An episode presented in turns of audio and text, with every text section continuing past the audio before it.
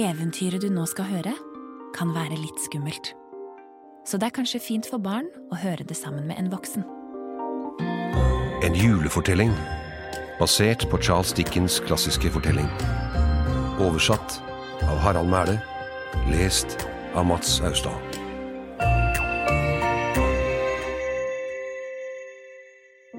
Det begynte med at Jacob Marley døde. Han lå i kisten med de bleke hendene foldet. Forretningskompanjongen, Ebenizer Scrooge, stirret kaldt ned på liket. Det var en ussel og bedrøvelig begravelse. Ingen sørgende var møtt frem, bortsett fra Scrooge, og han så heller ikke spesielt trist ut. Verken smerte eller sorg preget ansiktet hans. Før det ble tid for å betale gravferdsagenten. Da talte Scrooge opp tre pund, som om hver mynt ble skåret ut av hans egen kropp. Ebenezer Scrooge var velkjent i hele London som en sur og påholden gammel gnier uten fnugg av sympati eller varme i sitt kalde hjerte. Og det var ingen tid på året han hatet mer enn julen. Utenfor løp lyktetennerne gjennom snødrevet i de brolagte gatene og tente gasslyktene i byen. I vinduene blafret hvite stearinlys, og det hang kristtornkranser på dørene. Slik var London i 1836, på selveste julaften. Scrooge trampet forbi muntre flokker av mennesker med et forsteinet uttrykk i ansiktet. Ingen snakket til ham. Tiggerne turte ikke be om penger. Barna snudde og løp den andre veien når de fikk se ham. Og ingen ønsket ham god jul. Slik hadde det vært i årene etter Jacob Marleys død, og slik ville det fortsette. Men på denne julekvelden, nøyaktig sju år etter, skjedde det noe uventet. Kvelden begynte som vanlig med at Scrooge satt bøyd over regnskapsbøkene på kontoret. På det slitte skiltet utenfor sto det fortsatt Scrooge og Marley. Scrooge var altfor gjerrig til å koste på seg et nytt. Tåken lå tykk utenfor vinduene. Innenfor satt regnskapsføreren til Scrooge, Bob Cratchit, sammenkrøpet over arbeidet og hakket tenner. Blekket i blekkhuset var nesten bunnfrosset, så han måtte tine fjærpennen over vokslyset på pulten. Fra ildstedet ved siden av ham glødet det svakt i kun ett lite kullstykke. På kontoret til Scrooge spraket det varmt på peisen, men Cratchit visste bedre enn å be om mer kull.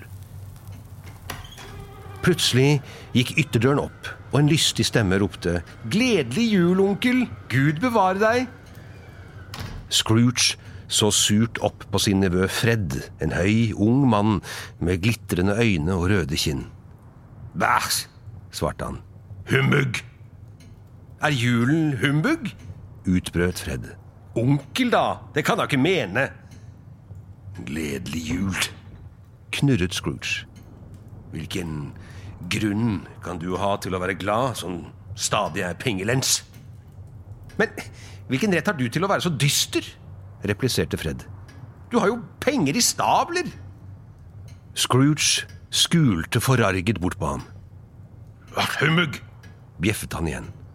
Hadde jeg fått viljen min, skulle enhver idiot som vandrer omkring med gledelig jul på leppene, bli kokt i sin egen julepudding og lagt i graven med en kristtornstake gjennom hjertet. Ikke vær så gretten, onkel, smilte Fred avvæpnende. Kom heller og spis julemiddag med oss i morgen. Øynene til Scrooge ble om mulig enda kaldere. God ettermiddag. Gledelig jul likevel, onkel, sa Fred, og snudde seg for å gå. God ettermiddag, brummet Scrooge. Og godt nyttår! Ropte Fred før han lukket ytterdøren. Det gikk ikke stort bedre for de andre som kom forbi. To herrer som stoppet og ba om almisser til de fattige, fikk så hatten passet av en fortørnet Scrooge. En fillete fattiggutt som stilte seg hutrende opp og sang utenfor døren, ble jagd vekk av den rasende gnieren. Omsider ble klokken 18, og Cratchit reiste seg for å gå hjem. Scrooge stirret på ham med utilslørt misnøye. Du vil vel ha hele morgendagen fri, antar jeg? sa han spisst. Hvis det passer, sir, sa Cratchit høflig og satte seg på hatten. Det er jo bare én gang i året. Det passer dårlig, og det er urettferdig, brummet Scrooge. Men kom desto tidligere i overmorgen. Huset til Scrooge var høyt og stort, men det hadde forfalt i mange år, så det så nå bare mørkt og skummelt ut. Scrooge stavret seg gjennom den rustne porten og opp trappen mens han fomlet etter nøkkelen. Midt på den tunge inngangsdøren hang en stor dørhammer festet til en rund bronseplate. Idet Scrooge lente seg frem for å låse opp, begynte hammerplaten å lyse. Og Scrooge ble helt nummen av synet. For platen så da grangivelig ut som ansiktet til hans avdøde kompanjong Jacob Marley. De døde øynene var lukket, slik Scrooge sist hadde sett dem, og ansiktet glødet nifst imot ham. Scrooge strakte ut en dirrende hånd for å røre ved Marleys ansikt. Da åpnet øynene seg. Scrooge skrek til og falt om på den islagte trappen. Da han kom seg opp igjen, så dørhammeren ut akkurat som før. Scrooge skyndte seg inn, slengte døren igjen og vred om alle låsene. Det måtte ha vært innbilning. Han tente et stearinlys og gikk skjelvende opp trappen til soverommet mens han kastet stjålende blikk mot de truende slagskyggene. Vel oppe pilte Scrooge inn på soverommet og låste også den døren med tre låser. Han fikk på seg morgenkåpe og tøfler og krøp sammen i lenestolen foran den åpne kaminen. Han syntes han så Malis ansikt overalt. I skyggene, i flisene over kaminen og i de blafrende flammene. Plutselig hørte Scrooge en fryktelig knirkelyd. Han stivnet til og lyttet. Det var ytterdøren som åpnet seg. Scrooge sluttet å puste. Hjertet hans hamret av frykt. Det var noen inne i huset.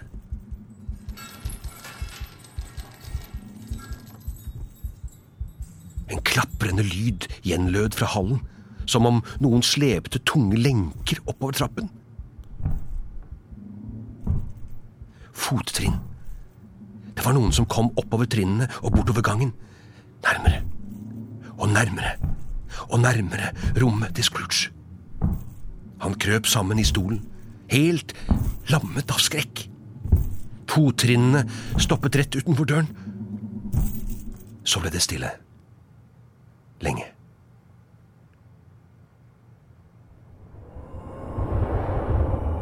En to meter høy, lysende spøkelsesfigur seilte tvers gjennom den lukkede døren. En tung kjetting var surret rundt kroppen til spøkelset. Fra den hang det store pengeskrin, nøkler, hengelåser, kassabøker og pengepunger. Alt laget av spøkelsesstål. De bleke øynene stirret ned på Ebenezer Scrooge. Hvem er du? spurte Scrooge med skjelvende stemme. I live var jeg din kompanjong, Jacob Marley. Spøkelset jamret seg så høyt at veggene i huset ristet. Spøkelset tårnet seg opp over Scrooge og skranglet med lenkene til Scrooge sank ned på kne og ba om nåde. Fryktelig fremtoning, hvorfor plager du meg? ropte han skrekkslagen. Jeg bærer de lenker jeg smidde gjennom livet, sa Mali. Jeg er her for å advare deg, for du har fortsatt en sjanse til å unnslippe min skjebne. Du vil i natt bli oppsøkt av tre ånder. Fortidens, nåtidens og fremtidens juleånder. Mali svevde over mot vinduet. Scrooge skvatt til da vinduet sakte gikk opp av seg selv. Den første vil komme over midnatt, når klokken slår ett. messet Mali. Så seilte han ut gjennom vinduet. Meg får du aldri se igjen! Scrooge løp i panikk bort og lukket og låste vinduet før han styrtet tilbake til sengen og trakk teppene over hodet. Du har nå hørt første del av en julefortelling. Neste del kommer andre søndag i advent.